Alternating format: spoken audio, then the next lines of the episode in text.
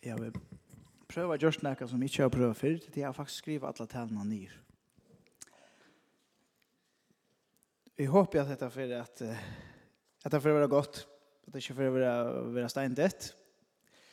Um, men jeg og så godt sier helt det blir øyelig spennende hva han nye røye til.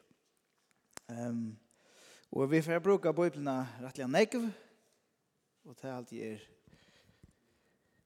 det er rett eller det är gott att göra det. Det er ikke noe som man skal omskylta seg for alltid. Men det har vi til kvart lite til. Hvis man, hvis man leser for en skriftstö så sier man oh, vi får ikke lese sånn, jeg slapp meg bare. Men vi får läsa något nej. Så. Um, Godt kvöld. Godt å sutja deg. Og jeg mener det, selv om det er, selv om vi bare har skrivet det, nye, så mener jeg det. Um, jeg skal tale om Heilige Antan, mer spesifikt om evne hvor kom Heilige Antan. Et avbæra spennende evne som jeg kjenner med løyte mentan er ferdig holdt vi. Men onkur skal, og vannande kom i eisen sjolver jeg lærer og det har vi langt. Um, Heilige Antan er god. Til eit vi kunne gjøre konkret, tar vi tåsa og hugsa om hele andan.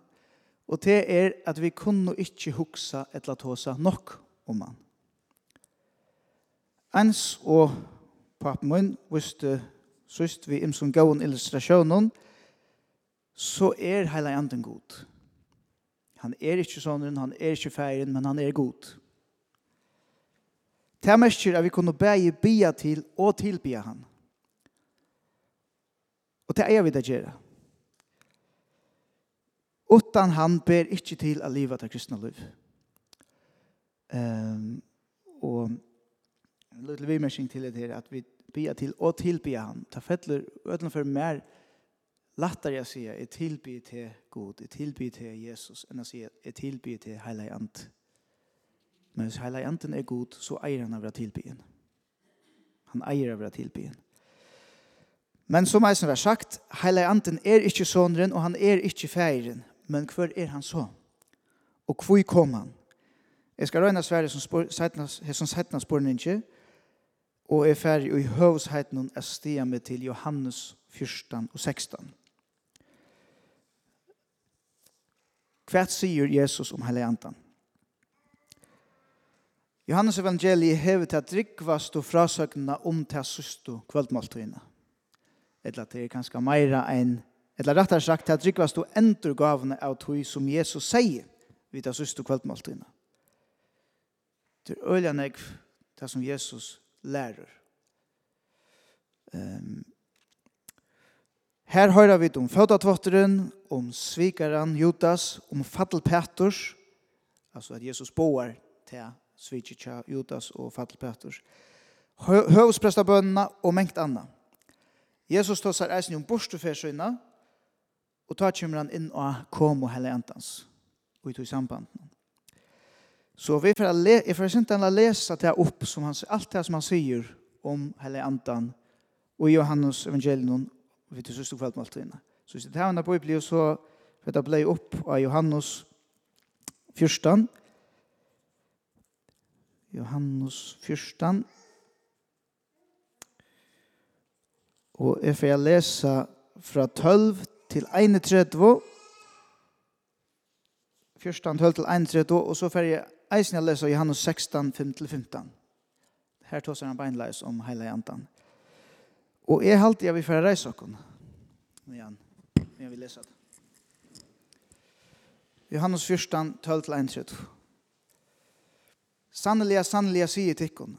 Han som tror av meg, han skal eisne gjøre ter gjerningar som er gjerri, og han skal gjøre enn større gjerningar enn hisser til at jeg færre til feiren. Og hver tid så bia om i navnet munnen, det skal jeg gjøre til dessa feiren skal være gjørt ur dyrmøtter, dyrmøtter og i sinnen. Bia dit om akkurst, og i navnet munnen skal jeg gjøre det. Elskar dit med, ta halte på munnen, og jeg skal bia feiren, og han skal djeva til kun annan talsmann, for at han skal være tja til kun allar ever. Sannleikans anta, som heimeren ikkje kan takka i møte, til at han uh, ser han ikke og kjenner han ikke. Men tid kjenner han, til at han vil være verande tjatikken og er uitikken. Jeg vil ikke lete at jeg kan være etter feileiser. Jeg kommer til tikkere. Enn en av stuttet stund, og heimeren ser meg ikke langer. Men tid så kommer. Til at jeg lever og tid skulle leve. Tann dagen skulle tid asanna at jeg er i feirmøynen, og tid og mer, og er i tikkun. Tann som hever båmøyne, Og heldig deg, han er han som elskar meg. Men han som elskar meg skal være elskar av fær munnen. Og jeg skal elska han og åpenbæra meg fyrir honom. Jotas, ikkje Iskariot, sier han. Herre, hvordan ber det til at du vil åpenbæra til fyrir okkon og ikkje fyrir heimen Jesus sverre og sier vi han. Elskar nekkar meg, ta varvaitir han år mot, og fær mun skal elska han, og vi skulle koma til hans herra, og gjere okkon bostad tja honom. Tan som ikkje elskar meg, han varveitur ikkje ormoine, og året som tid høyra er ikkje mutt, men fæisjens som sendte meg. Hetta her vi er tala til tikkara, medan er varverande kja tikkun.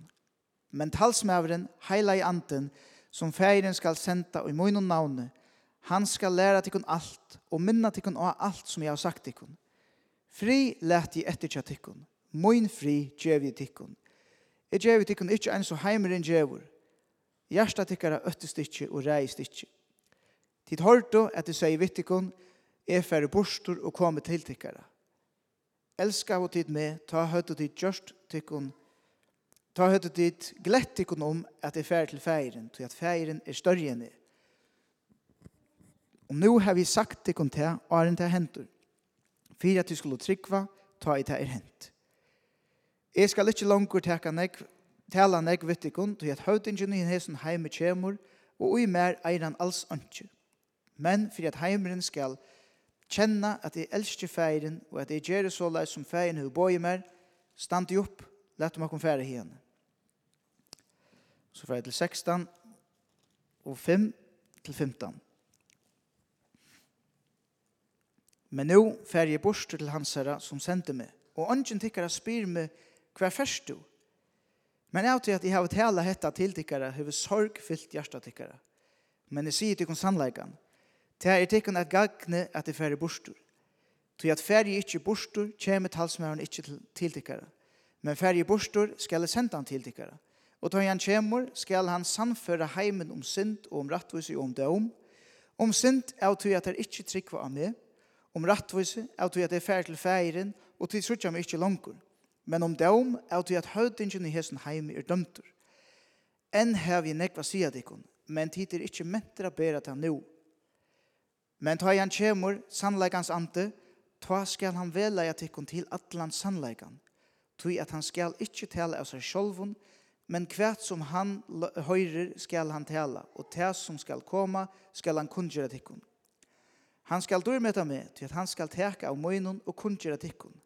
Alt det som færen hever er mot, tog sier at han teker av møgnen og kun gjør tikkun. Så kunne vi sette okken atter.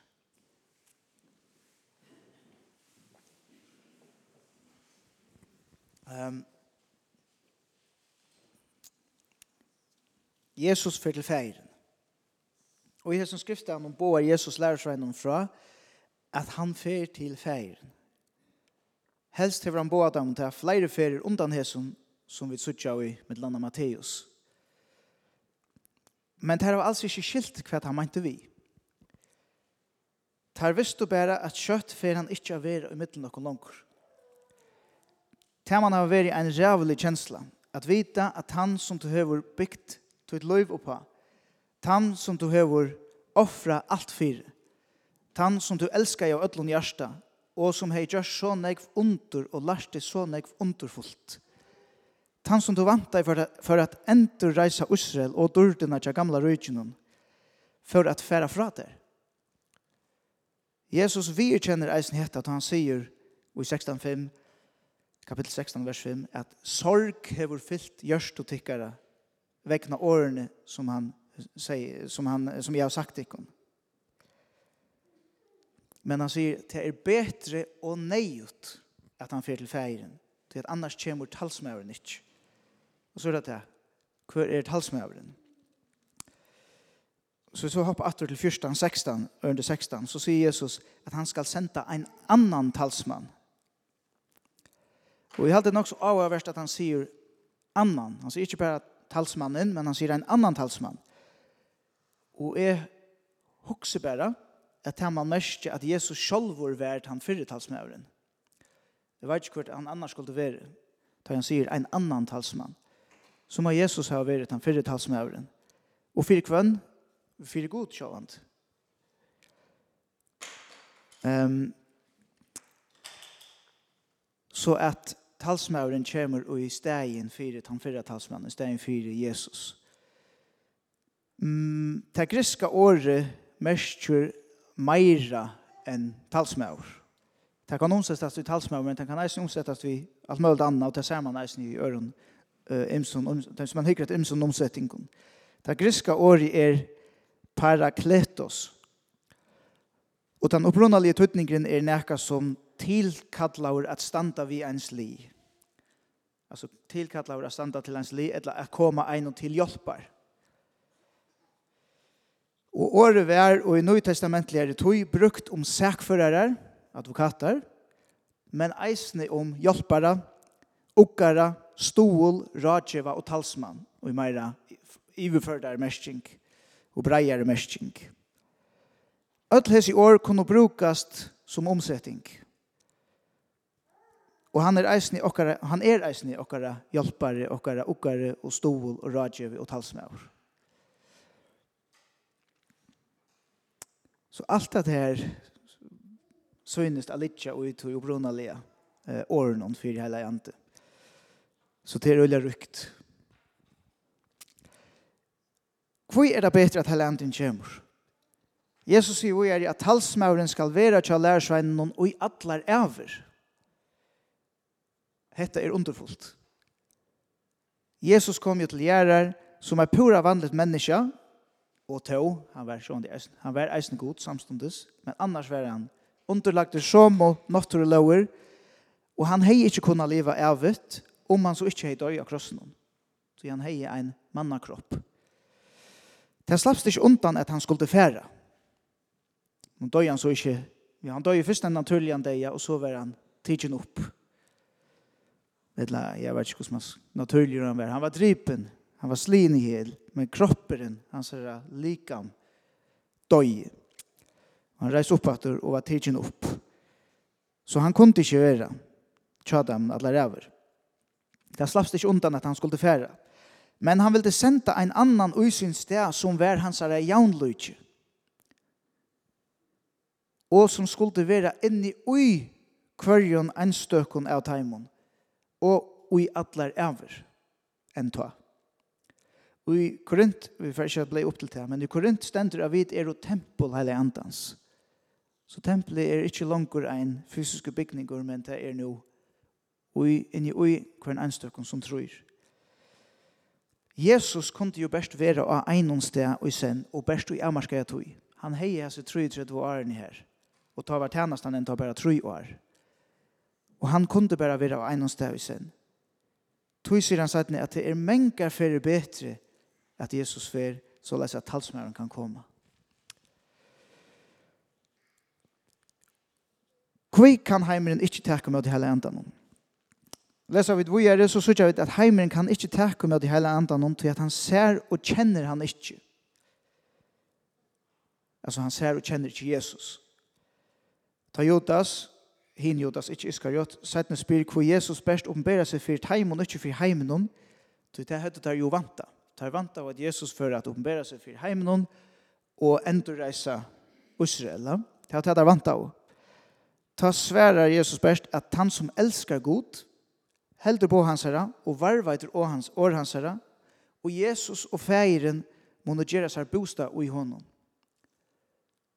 Vi øren åren han åpenbærer seg for heimen som elskar han og som varveiter hans herra år. Og hva var det å si?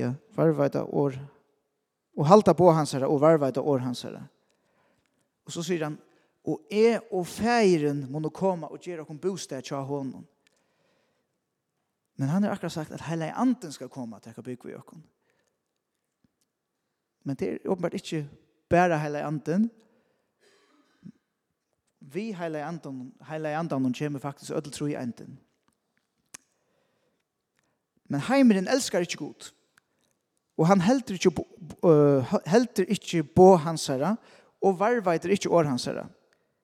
Heldur øvut. Han vannvir på hans herre, og vil utrota år hans herre. Og tog kan han ikkje takke med det hele enda noen. Tog kan han god ikke oppenbæra seg for dem. Lærersvennerne kunne takke med honom, til at han sjå og kjente Jesus. Kjenner du Jesus? Kjenner du bæg feiren og hele enda? Kjenner du ein av trojentene, så kjenner du alle. Lærersvennerne elsker av Jesus, helt på hans herre, og varva etter år hans herre. Tar har du lagt en løyve nye for igjen. Du kjente der Jesus, og der kjente du hele andan, der han kom. Og det halte jeg er oppmuntra han, for jokken. Vi vet hvordan jeg er perfekte lærersvennerne i våre, men Jesus sier, tid kjenner meg. Og tid varva etter år min, og halta på min. Og tog kan du hele andan komme inn og ut her. Det samme kallt han for okken. Vi er lukka og perfekt som tar våre, men vi halta år hans herre. Og vi varva det år hans herre, og vi elskar god. Um, og i 18. ørende sier Jesus at han vil ikke lete lærsannene være etter fergeleiser, og at han kommer til terra. Altså, Han har ikke sagt at han sender talsmannen, men så sier han samtidig jeg kommer til dere, så at det er atter det samme. Halanden kommer, men jeg og ferien skulle eisen komme og takke bostad og i dere. Og det synes greit ut fra hessens skriftsteg at begge såneren og feiren flita inn vi heilandan. Ta han teker bostad og jøkken. Han teker alt sitt lenge vi ser. Vi gjør noe. Var veita vid år Guds, halta på hans herre og elska han, ta flyter alle goddommeren innu i okkon. Fægir, soner og heilig ant. Og det er eina standant. Og reiant. Skapar i himmels og gjerrar, han som hevur kåta okkar DNA, han som har skapt stjøtnene, solene og alt det vekra vid suttja herre gjør. Han vil teka bosta inni og i einan og kvarjen som tror. Det er størst sannleikans ande. Vi låser i ørende seitjan at sannleikans ande at ui at heila anden er sannleikans ande. Og i ørende 25 leser vi at han skulle læra her alt og minna her av alt som Jesus sier der man. Og hette det samme som stendur, og nå fer til nøkker ørn, ånder ørnder, Ezekiel kapitel 11 og 18-20, Og da der koma, koma heier skulle der beina bostur heian allar anstikter og vannvirslige godar. Jeg skal djeva dem nøyt hjärsta og leggja dem nøytjan anta og i brøstet. Teka bostur steinhjärsta og lika med tarra, og djeva dem hjärsta av holdet. Til tess at her med jeg færa etter fyrskipan og munnen og halda der og gjera etter dem. Ta skulle der være folkmot og jeg skal være god terra Så kvart er det som knyter dette sammen, Heller anden flyter inn og minner dere av alt som Jesus sier. Hvordan vi eier at livet, hvordan vi eier å være. Og det er det som Ezekiel sier at han god fer å gjøre i framtiden. Vi legger oss nødjan anta i brøstet, nødjan en heilig anta. Tekka steinhjersta på sjølika, men gjør oss et hjersta av holdte. Hjersta som innskjer av fylkja gode. Så leser vi med affæra etter hans fyra kipan. Og til samme i Ezekiel 60 og 60 til 22, er gjør til kun nytt hjerte, og legger nødjan anta til kun i brøstet. Steinhjärsta tekje i borstru lika med tikkara og gjør til hjärsta hjerte av holde. Anda moin legger i til i brøst, og fag jeg til så og i le. At tid færre etter fyrskipan og moinen og i bo og moine og halda til. Han skal få det og i le. At vi færre etter hans fyrskipan og og varveita hans rabåer og halda teg. Heila janten skal få at heila og jokken. Som leis vi i Jeremias 31 og 31-33. Er skulle komme, sier Herren, ta jeg en nudjan sottmala vi Israels og Judahus. Ikke en så hin sottmalen som jeg gjør det vi tar, ta at ta i tog og i håndtar og leite tar ut ur Egyptalandet. Til at han sottmalen sliter der så at mer ståst vittar, sier Herren. Nei, hetta skal vera sottmalen som er gjer vi Israels hus etter hessa deir, sier Herren. Jeg ledger mina lov og i barmt herra, og rit i henne av gjørst herra, og jeg skal vera god tarra, og tar skal vera folk mot. Så hele anden kjemur, og han legger lovene i okkara hjärsta. Han riter henne ui okkara hjärsta. Så nu Hette er det som hele anden gjør møvelet. Vi hånden vil loven rita og gjørst dere. Tråanen etter at gjøre rett kommer innanifra. Ikke som et tungt åk utanifra, som vi ikke klarer å leve opp til. Men hette henter einans om vi undergjør okken han. Gjør vi ikke til, være vi som heimeren som ikke kan takke møteren. Den sista som vi får takke fram ur Johannes fyrstan är friren.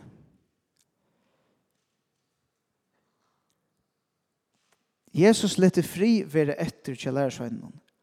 Hvordan kan det bære til ta i hans samstundes lova dem beg for fylking og trångter? Vi lever gjennom fallen og heime fotlen av tragedien, og vi som er tryggvande, vi være heller ikke spart sjån det reisende, nek vekkert og fantastisk underfullt. Men samstundes lever vi uh, ja, samstundes henda nek rævleikar. Men hesen frieren er ikkje ein utvorstes frier. Han er ikkje sånne, han er ikkje tenktur et omstøvnen, men ein innvorstes frier. Og heile anten er han som djevor og kom fri. Jeg hørte gjerne for en mann sier, og dette var i Norra, jeg gikk bibelskolen, at det er bedre at jeg var fri innan uiser, enn at jeg var fri utan omse. Det som utan om, det kunne vi ikke, ikke alltid styre. Sjoltan kunne vi styre det omstøvende. Men her, her kunne vi ta fri. Vi kunne ikke selv skapa fri her, men hele Anden kan skapa fri. Da vi tvilger god i å gjøre hans vilja, ta koma vi hava fri i New jokken. Det mest ikke jeg vet omgang til for at ivast, eller at jeg har tropult, men en grunnleggjande frier og tryggleidje for at litja under ødlån. Det er underfullt at kunne hava fri mitt og i hurlevesan. Så stender jeg snakka om synd og rattvisi og dom, og det er vi øyelig spennende jeg innan til, men det stender i kapittel 16, 8-12 stendur heilanden skal sannføre om synd, rattvise og dom, ta han kjemur. Men jeg ferdig lett at jeg litja, tog at jeg vidt her ikke tog, annars kunne det være en tala trett. Og til, og til hei kraft at jeg hei gråpa og granska nek meira og i bubelen enn jeg har gjort til akkurat dette. Um, det sørste er for jeg takker fram, stendur i Apostlesøvn i 1.8. Men tid skulle få hette det som Jesus sier bant åren han vil tidsen opp til himmels. Men tid skulle få kraft, ta i heil av ante kjemmer ivedikon. Og tid skulle være vittnemoine beg i Jerusalem, og i atler Judeo og Samario, og lyka til etstå enda mark av hjørnet. Her er et annet øvn i eisen som man godt kunne tidsi fram, men som er bare nå ikke sett med foran for å tale om, og det er om det er en moner av da vi blir frelst, og hele anden tenker bygg for oss, og det er hele anden kommer i oss, hele anden ståper.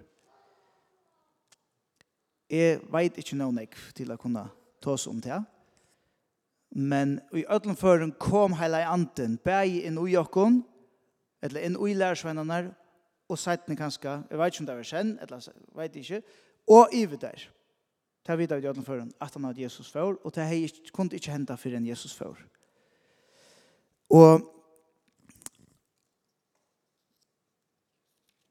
ja, han sier til å få kraft, ta hele andre kommer i vidikken, til å være vittner.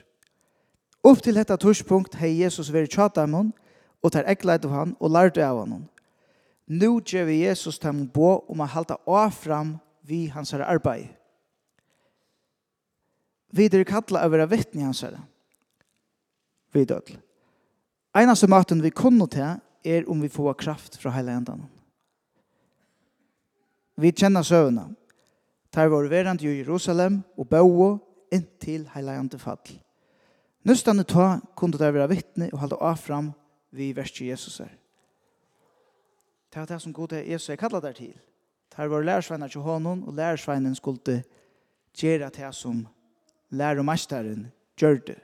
Tar skulle hålla av fram vid hans verskje, men tar du tørv og heilandans kraft til det. Så kom heilandans ikke, så hørte lærersveinene, og i siste enda vit, som hans lærersveinar er sinne, ikke kunne helt i av i Guds verskje. Hette eira å si okkom nek om tøtningen av å være filter av Guds antal. Så vi eier søkja god og i bøn, låsange, fellesskapet og bibelesneie og at han hatt lett okkom fytla av heila han anda så vi kunne få kraft at være hans vittne. Og gjør vi til eier vi nøkker underfot lyfte og i heila andan og nå heter vi lukka som saman omtøkka av det som vi da gynnsi jøkken Han leter okken ikke være etter feileis. Han tekur bostad og jokken, heilanten, og Jesus og feiren, vi og honom, og vi vera tempel heilantans. Vi får hans herra fri, og vi får kraft til å være vittne. Og han er sannleggans ande som skal vela i okken, og lære okken og minne okken av alt som Jesus sier. Og jeg kan skje meira ammen til det som Mia sier, eh, om at så må vi kjenne Guds år. Vi må vite hva Jesus sier. Og resten av Guds år eisen, ja. Hvis han skal minne oss. Kunne minne oss av det. Så han kan heller enten eisen åpenbære oss nemme som vi ikke har lyst. Jeg har vi hørt noen søver om folk som ikke har haft ekong til Guds år, som får at det er som åpenbæringene og gjør den heller enten. Men vi tar en kompering. Vi tar ekong til Guds år. Og jo mer vi leser det, mer kan Hellanten hålla fram. Och det. Ja, en New York. Jag vill Gå god. Takk for at du sendte hele hentan. Takk for at du lette oss ikke være etter feiles. Men du sendte oss hele hentan så han kunne vilja i oss. Så han kunne sannføre oss minn noen av det som du lærte, det som du sier, Jesus. Han kan gjøre oss fri, han kan gjøre oss kraft. til å være til henne vittne.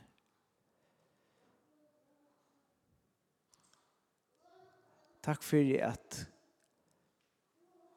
to og på at han måten har gjort okkur eit vi til sjølven, lukka som Jesus, to er eit vi feirin, og to er feirin er eit vi hele andan, så du har gjort okkur eit vi til og hele andan og i feiren. Og hjelp okkon som samkomma, som Guds folk av hesson sted, at søkja til hele andan. At gjeva til rom, at troa etter ter, og troa etter tunn gavon, og troa etter at du skal virka i okkon og i middelen okkon. Gjer okkon ei mjuk, og gjer okkon eit kjøtthjärsta som det stender i Kjøysekel at du skal gjøre okna hjärsta ikke at takka du skal gjøre okna et, et hjärsta av holde og vi der får hava et blett og godt heitt hjärsta som elskar te og som elskar mennesker jeg blir om takk for alt Amen.